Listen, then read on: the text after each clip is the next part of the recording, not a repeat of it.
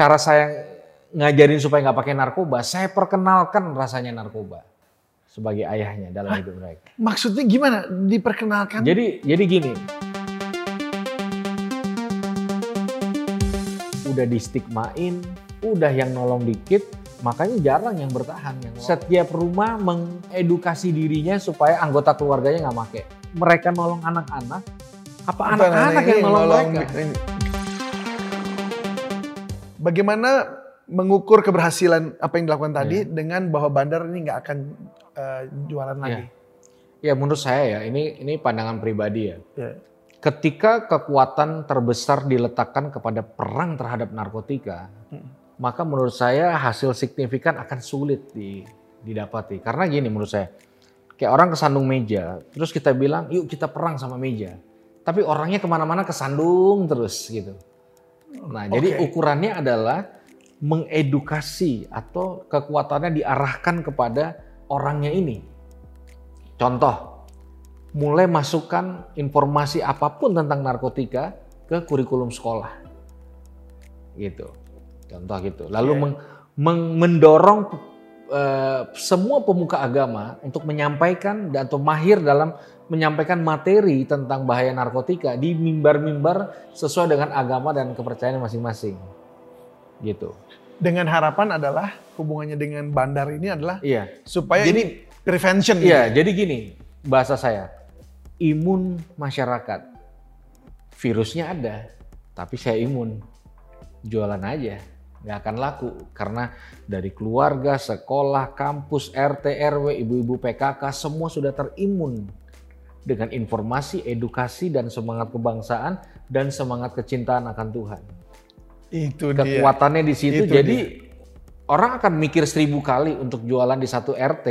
Ketika di RT ini sudah menggaungkan sesuatu yang nggak mungkin laku dah jualan di sini. Coba aja gitu.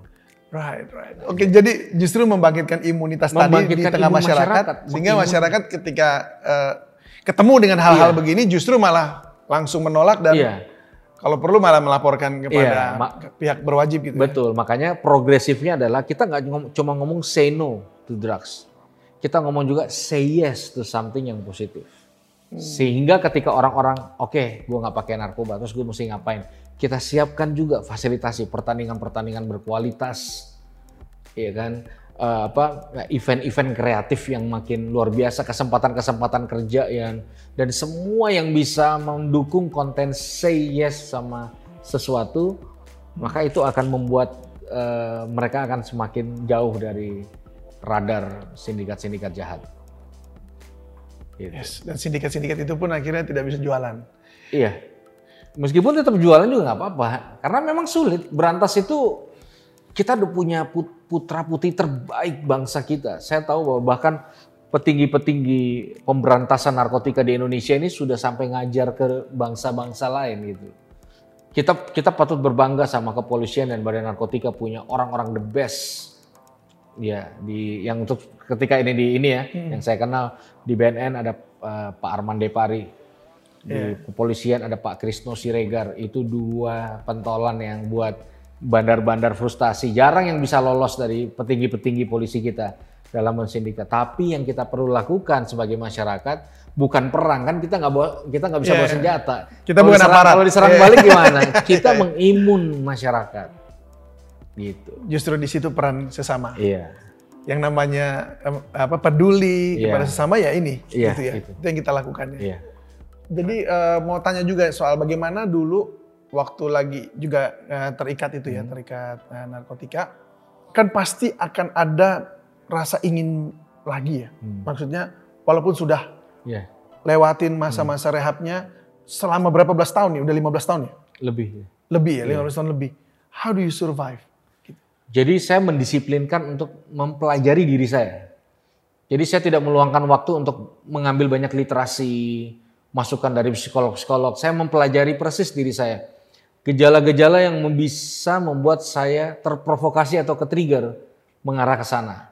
Jadi kalau saya capek, kalau saya lagi sedih, dan terutama ini kalau saya lagi ngerasa tertolak, gitu. Nah itu Tertolak oleh? tertolak misalnya saya di stigma negatif lalu saya di selalu dilihat gara-gara tatonya, gara-gara mantan permakai narkobanya. Itu hanya perasaan aja iya. maksudnya. Ta- Perasaan. Meskipun itu real, tapi kan yang saya rasa juga real. Oh gitu. gitu. Nah, ketika ada hal-hal yang sifatnya menekan banyak tekanan, maka biasanya saya kurangin aktivitas yang ada, saya lebih banyak ambil waktu bersama Tuhan. Terserah mau rugi, mau ganti rugi, tapi saya akan blok aktivitas saya karena saya nggak bisa bebenah sambil jalan gitu. Jadi saya hafal. Kalau kalau kayak saya ribut sama orang, saya hafal antara 5 menit, 20 menit sama satu jam. Kalau saya terusin maka setengah jam kemudian akan jauh berbeda pasti. Karena saya tahu kelemahan saya. Jadi kalau saya adu argumen sama orang 5 menit awal mungkin masih aman. Tapi kalau udah 30 menit itu udah pasti nggak aman. Jadi saya akan paksa latih diri saya, disiplinkan diri saya bertahun-tahun supaya waktu 15 menit sebelum lewat saya cabut. Meskipun itu saya akan dibilang banci, penakut, mending saya cabut. Oh gitu. Jadi saya pelajari semua bentuk trigger. Ketika orang mulai membahas Memangnya awal- apa yang terjadi ketika setelah 30 menit gitu? Bisa bisa apa? Bisa mulai ngawur atau bisa mulai- saya bisa lep- lepas kontrol. Saya bisa lepas kontrol karena saya tahu kelemahan dalam saya di mana. konteks debat apa nih? Debat misalnya ngobrol-ngobrol aja Bukan, cuma bukan. misalnya kayak di, di pinggir jalan debat terus orang turun.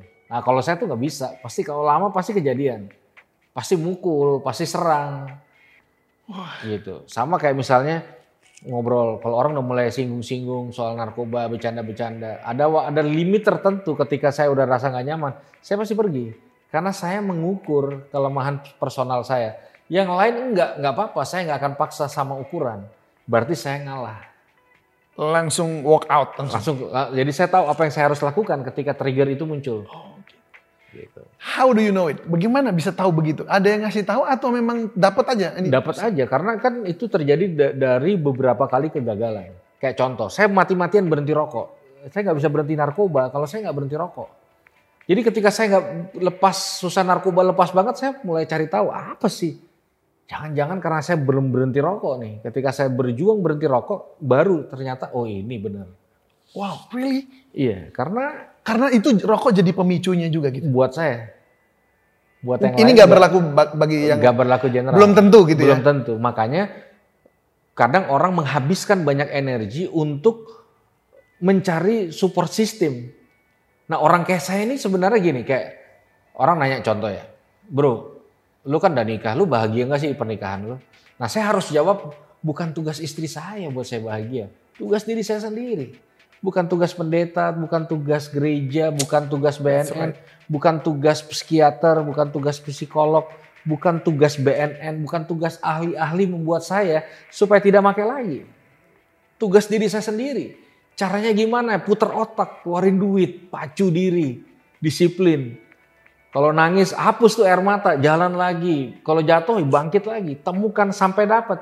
Kalau nggak dapat mati. Jadi gimana? Temukan sampai dapat. Gitu. Apakah semua orang bisa berpikiran seperti seorang Yeripati Nasarani yang terkena ini ya, yang kena adiksi? Saya rasa semua harusnya mengarah ke situ. Karena gini, kalau kita hidup berdasarkan penerimaan orang, kita akan mati oleh penolakan mereka. Jadi itu bunuh diri kalau kita taruh remote control kita ke tenaga-tenaga ahli. Nih ya bro, dari polisi, dari tenaga kesehatan, kacamatanya sama. Pecandu narkoba nggak bisa disembuhkan, hanya bisa dipulihkan. Itu udah satu stigmatisasi bahwa buat apa saya berjuang, nggak bisa sembuh juga.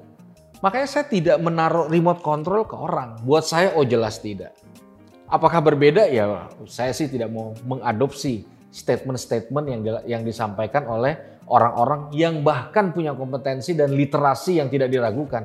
Orang saya yang jalanin sendiri. Orang berhak ngomongin saya, ya saya juga berhak dong tidak dengar ngomongin orang. True. Dan Oke, itu berhasil, puji Tuhan, hampir 20 tahun. Hampir 20 tahun bahkan Iya. ya. Wow, amazing. Nah ini nih mungkin yang nggak banyak orang tahu bagaimana you survive ya. Iya, makanya ya ya itu sulit lah. Kadang-kadang orang bilang, ya lo Tapi itu butuh butuh waktu berapa lama itu untuk bisa sampai bisa mengukur itu tadi? itu, itu Dapat ilmunya itu- lah itu istilahnya. disiplin sampai hari ini karena itu kan reguler terus keinginan itu terus bukan, bisa datang. Keinginan ke- keinginan itu pasti ada limitnya. Tapi potensinya. Oh potensinya Iya, itu. Tapi kalau ngomong potensi, gitu semua ya. orang kan berpotensi, Iya, bukan cuma berpotensi. saya. Iya, iya. Yang nggak pernah nggak pakai pun iya, juga bisa makanya aja. kan orang kena. bilang, eh jangan sombong kamu. Yang 30 tahun bisa jatuh lagi. Yang belum per- yang belum pernah pakai kayak kamu juga bisa pakai lagi. Jadi posisi iya, kita iya. sama, jangan taruh saya level Right. 2, kamu level 1. Right. Untuk masalah True, true. eh, jatuh ke narkotik. Karena siapa saja bisa Karena jatuh. susah banget teman-teman ini mau bangkit karena stigmatisasinya selalu ditaruh di level 2. Level 2 lu nggak mungkin bisa bertahan kalau nggak sama dokter A, lu nggak mungkin bisa bertahan kalau nggak sama pendeta A, lu nggak bisa bertahan kalau jadi akhirnya kita kayak kayak apa ya eh, bahan percobaan aja. Masa kita oke tergantung orang itu oke gitu. Makanya saya bilang nggak bisa. Kalau kita hidup dari penerimaan mereka, kita akan mati oleh penolakan mereka. Sok nolak aja, sok taruh stigma aja, nggak apa-apa. Saya deal sampai subur hidup. Saya tahu saya akan bakal di stigma negatif. Saya udah deal dengan itu dan saya tetap happy, tetap ketawa-ketawa, tetap santai aja dan tetap berkarya tanpa memusingkan regulasi stigma itu. Dan itu yang saya sampaikan kepada teman-teman yang lain juga. Jadi stigma itu kejam bener sebenarnya ya. Ya, Bahwa bahwa orang yang sudah kena narkotika itu nggak akan sembuh selamanya. iya. Dalam artian keinginan mereka untuk terkena adiksi itu lagi Iya. nggak akan selesai. Jadi kalau ikut seminar narkoba ya, biasanya Iya. polisi sesi 1, sesi 2 dokter, sesi 3 saya narasumber. Polisi tangkap, pasal, berantas, hajar. Dokter akan bilang ini loh orang sakit jiwa, ini yang otaknya rusak, ini loh yang nggak bisa disembuhin. Nanti pas saya narasumber, audiens akan bilang, oh ini yang otaknya rusak. Oh ini, oh itu, oh ini. Oh jangan bergaul sama orang model kayak gini. Itu terus yang dibangun sehingga saya nggak jujur kalau ini pandangan pribadi ya. Yang kalau kamu tidak mau support seseorang berhenti, jangan tuntut dia berhenti lah. Kok pengen Iya, banget iya. nih orang berhenti tapi nggak ada supportnya. Iya, iya. Itu mimpi si yang bolong. Jadi sebenarnya di seminar-seminar itu Ya. itu salah nih susunannya nih. Bukan salah, kadang-kadang tidak komplit. Karena kadang-kadang ada pesan sponsor buat saya, Pak, jangan dikasih tahu bisa sembuh ya, biar audiensnya takut. Serius. Loh emang benar. Sekarang apa sih maksudnya mengedukasi dengan menampilkan tengkorak, peti mati, kata narkoba dengan eh, font tulisannya berdarah-darah supaya orang tuh paranoid terus nggak pakai. Padahal nggak menjamin itu. edukasi lebih penting. Nah itu yang kadang-kadang eh, apa ya buah si malakama gitu. loh. Satu sisi pengen mencegah tapi mendorong masyarakat benci narkobanya, tapi keikut sama orangnya juga, gitu. Jadi Nah, sulit. terus terus message tadi tujuannya tujuan dibilang Pak jangan ini ya, terlalu apa tadi namanya? Iya, jangan terlalu kasih tahu bisa Kasih pesan. sembuh. Heeh, lah Nanti tuh- orang berpikir, ah dia juga bisa sembuh. Oh Gua gitu, pakai aja. Itu. aja terus. Nah, Padahal nggak begitu Nah, makanya kan kita harus keluarkan effort untuk mengedukasi yang benar, bukan menampilkan satu gimmick aja dong. Karena aud- audiens juga udah pinter. Iya, iya, iya. Gitu. Apalagi di masa udah internet, informasi di iya, mana-mana ya. sekarang sulit dengar 40 slide, 50 slide, kita aja belum tentu. Ya. Tahu-tahu udah mencair aja gitu, udah tepar di bawah Iya, dengerin gitu ya. Jadi dia. harusnya yang dimajukan adalah eh, Bro Yeri dulu lah yang maju untuk menyampaikan message-message atau Iya. teman-teman yang lainnya Iya. bahwa ini loh ada ada harapan Disampaikan buat mereka dengan yang dengan seimbang antara jangan pernah sentuh, jangan pernah mencoba, jangan pernah berpikir ini baik, dan jangan memberikan stigma negatif buat yang udah kena. Gitu. Balance-nya mungkin di situ sih. untuk seseorang yang eh, sudah terlibat dalam circle tadi. Iya. Itu artinya kan kalau direhabilitasi dia diputus dari Iya. circle itu. Iya. Nanti ketika dia selesai keluar, Iya. ya misal teman kita Coki misal udah selesai keluar, bagaimana cara menjaga dia nggak keluar dari situ? Apakah harus ditemenin terus atau dia sendiri harus memiliki sobriety tadi yang Iya. dalam arti untuk menjaga diri? Tujuan jangan- akhirnya adalah cara berpikir yang kayak saya itu bahwa kita nggak bisa meletakkan support system luar ke dalam. Ke Harus dari dalam kita. kita Harus dari kitanya karena memang ya untuk mungkin Coki dan beberapa public figure pandangan saya Iya. masih ya masih bisa lah dapat kerjaan ya terkenal. Iya, iya, iya. Nah, gimana teman-teman yang nggak terkenal selesai Iya, iya. udah itu Habis. selesai ya. habis dah. Nah maka itu bahwa nggak bisa kita istilahnya mantan pecandu nggak boleh manja. nggak boleh baperan, nggak boleh gampang tersinggung. Kita mesti punya satu fighting spirit yang teruji. Apa-apa, bisa apa enggak tuh relatif lah belakangan. Tapi setting goalnya adalah kita nggak boleh bergantung, berdiri di dua kaki kita sendiri. Harus mampu berdiri di dua kaki kita sendiri. Kita nggak boleh bergantung pada uh, siapa pun dan apa pun. Karena pada akhirnya kita yang menentukan arah langkah kita. Benar nggak pernyataan bahwa nggak boleh punya teman-teman yang atau nggak boleh berhubungan lagi dengan teman-teman yang dulu lagi. Artinya yang memang mungkin juga pemakai doang, korban yeah. doang. Gitu. Jadi mungkin saya saya background dikit ya biar biar cepet aja. Jadi ada yeah. orang yang lagi baru-baru coba make, ada yang lagi seru-serunya, ada yang mau berhenti nggak bisa. Okay. Nah yang paling nggak bisa ditemenin tuh yang mau berhenti nggak bisa supaya bisa nolong. Tapi kalau lagi seru-serunya, ya kalau kita nggak ngerti knowledge-nya ya jangan. Karena kalau kayak saya misalnya, ini kan misalnya yeah. aja ya. Pas saya lagi di kamar nih, barengan Coki waktu itu. Ya yeah. saya juga ketahan kan. Oh iya juga. Hey, minimal di BAP. Pada saat itu tapi iya. memang nggak di situ ya. Lagi Pas memang nggak ketemu. Iya. Itu itu yang kedua iya. tadi ya. Kalau yang ketiga waktu masih uh, apa? Mau, coba, mau berhenti coba, tapi eh, nggak bisa. Ya? Gitu. Mau berhenti tapi nggak bisa tuh uh, gimana? Iya jadi mungkin itulah waktunya kita untuk nolong dia dan kayaknya yang bisa ditolong yang ada yang paling mudah ditolong adalah yang mau berhenti tapi nggak bisa. Oh gitu, Fase justru yang jenis ini. Uh, Karena dia sudah ada keinginan. Udah keinginan, udah capek, ya itu akan lebih mudah dibanding yang belum ada keinginan, ya akan kucing-kucingan, akan nguras energi. Ya kalau lihat dari Bro Yeri, hasilnya kayak gini sekarang dengan cara uh, berpikir atau ilmu yeah. yang tadi didapat itu, yeah. kita percaya orang lain juga pasti bisa. Iya, itulah bisa. perjuangan saya untuk menolong orang ke titik itu. Iya. Yeah. Nah, ini rencananya uh, kalau Coki sudah direhab di tempat yang memang sudah diinginkan, eh, itu bisa berapa lama tuh nanti? Uh, program mungkin setahun sih. Setahun ya? Nah setelah itu nanti Bro Yeri juga masih akan uh, iya, dampingi karena ngeliat dari progresifnya gimana, lalu uh, bagaimana keterikatannya dengan manajemen, lalu itu yang kita okay. combine programnya. Lalu domba tersesat gimana dong? Nggak ada. Domba tersesat jalan terus sih, cuma dengan personel yang berbeda. Oh, siapa penggantinya? Ada Ibob Tarigan sama Priska. Oh gitu, ya, Ibob? Stand up, stand up, stand up comedian. Iya, yeah, Ibob Tarigan ya.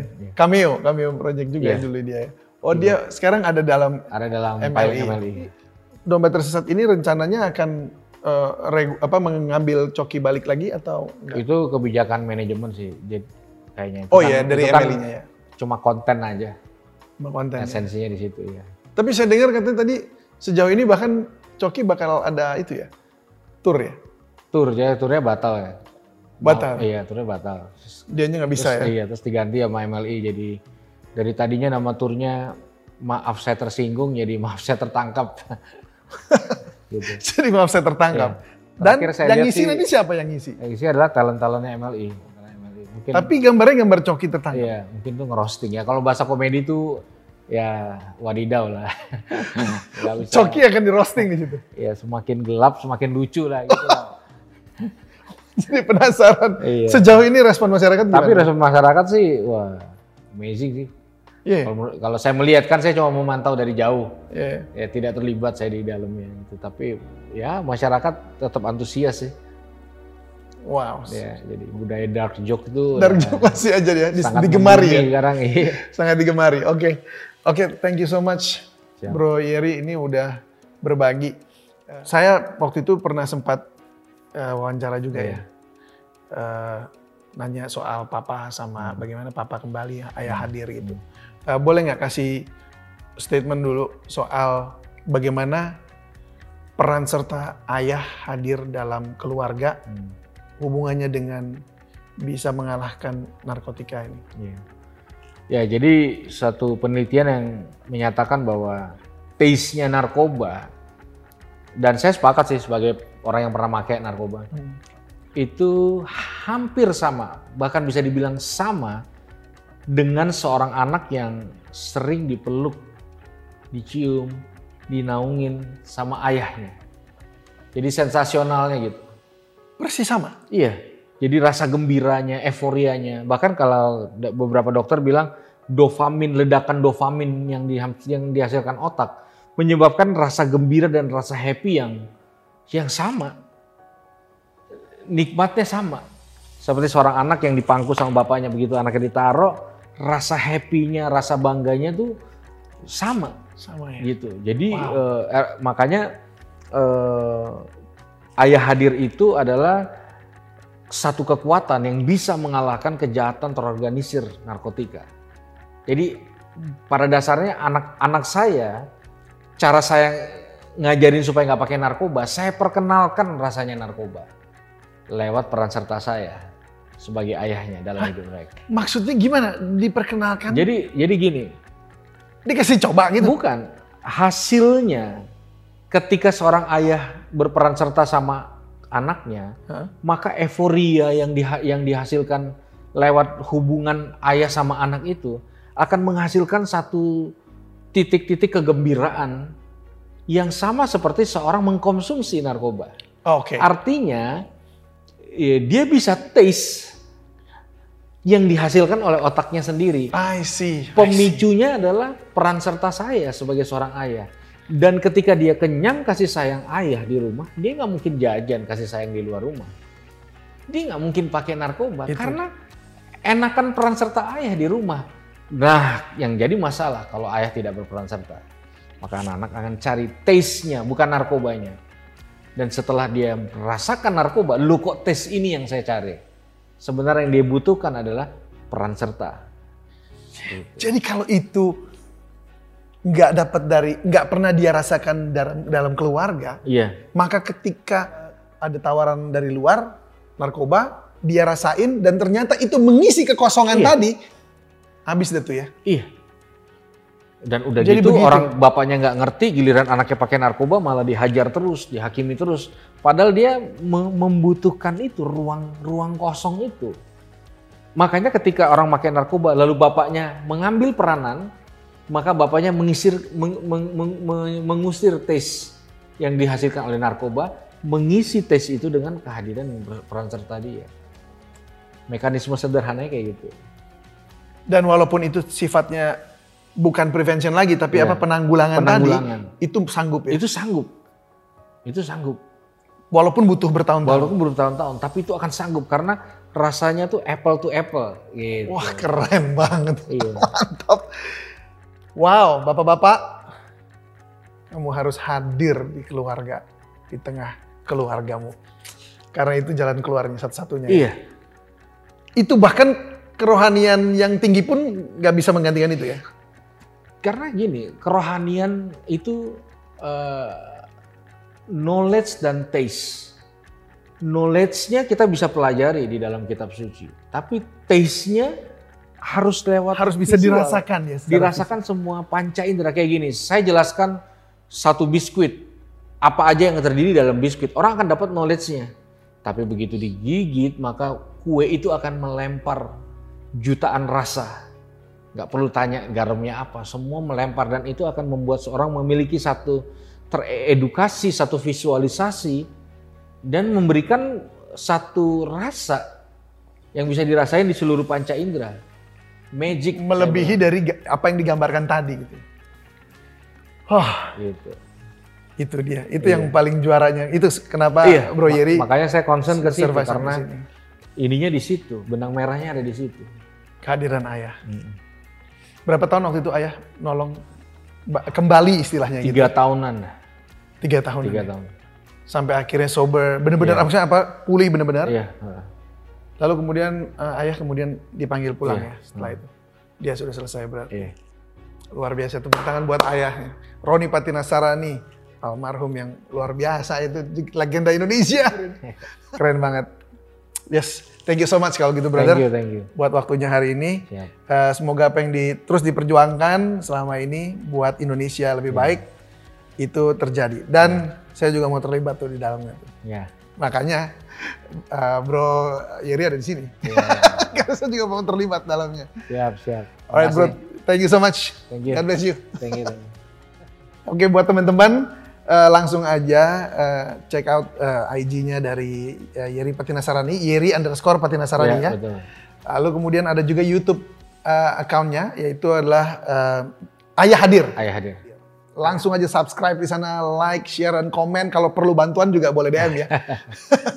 masih kan terima Masih, bantuan masih, masih. buat bantu orang Iya. eh, lepas dari narkoba ya. Iya, masih. Oke teman-teman jangan lupa untuk subscribe di David Silaho YouTube channel ini, like dan share juga karena pasti banyak teman-teman yang membutuhkan informasi yang disampaikan tadi oleh Bro Yeri. Dan jangan lupa untuk klik tombol loncengnya supaya kamu dapat notifikasi dari video-video terbaru kita. Sampai jumpa.